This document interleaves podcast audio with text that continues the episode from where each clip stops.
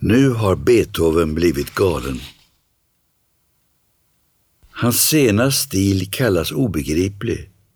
Ett slag i ansiktet på en publik hängiven som ett par utgångna skor. Men musiken är trött på försonlighet och söker ett hem i hans vrede. Låt det gnissla, låt det skava som när tillvaron dras ihop i smärta kring hans skrumpnande lever. Kanske planerar man ännu ett krokben. Har inte glömt hur hans tidiga mästerverk, musiken till kejsar Josefs minne, utan förvarning inhiberades. Vad världen förtjänar är misstänksamhet. Dövhet är bara de första stegen in i en strängare tystnad än han tagit i sin tjänst.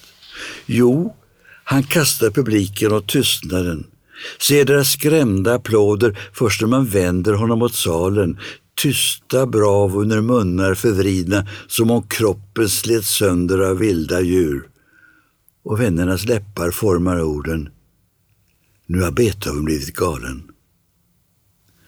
Men tystnad gör samtidigt tillvaron tydlig. Syns hur träden lyft med vilsna rötter och hur staden glesnat till en etsning. Här söker musiken den verkliga tyngden. Stråkarna utforskar omutligt trakten på gränsen till det som icke är. I noterna släpps inget umbärligt in.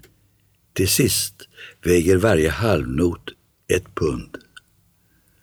Var han inte hela sitt liv på väg mot kvartetten i sismål, decenniers sorg förtätad i fyra stråkar till en slutlig landsflykt? Kvartetten som är för alltid samtida.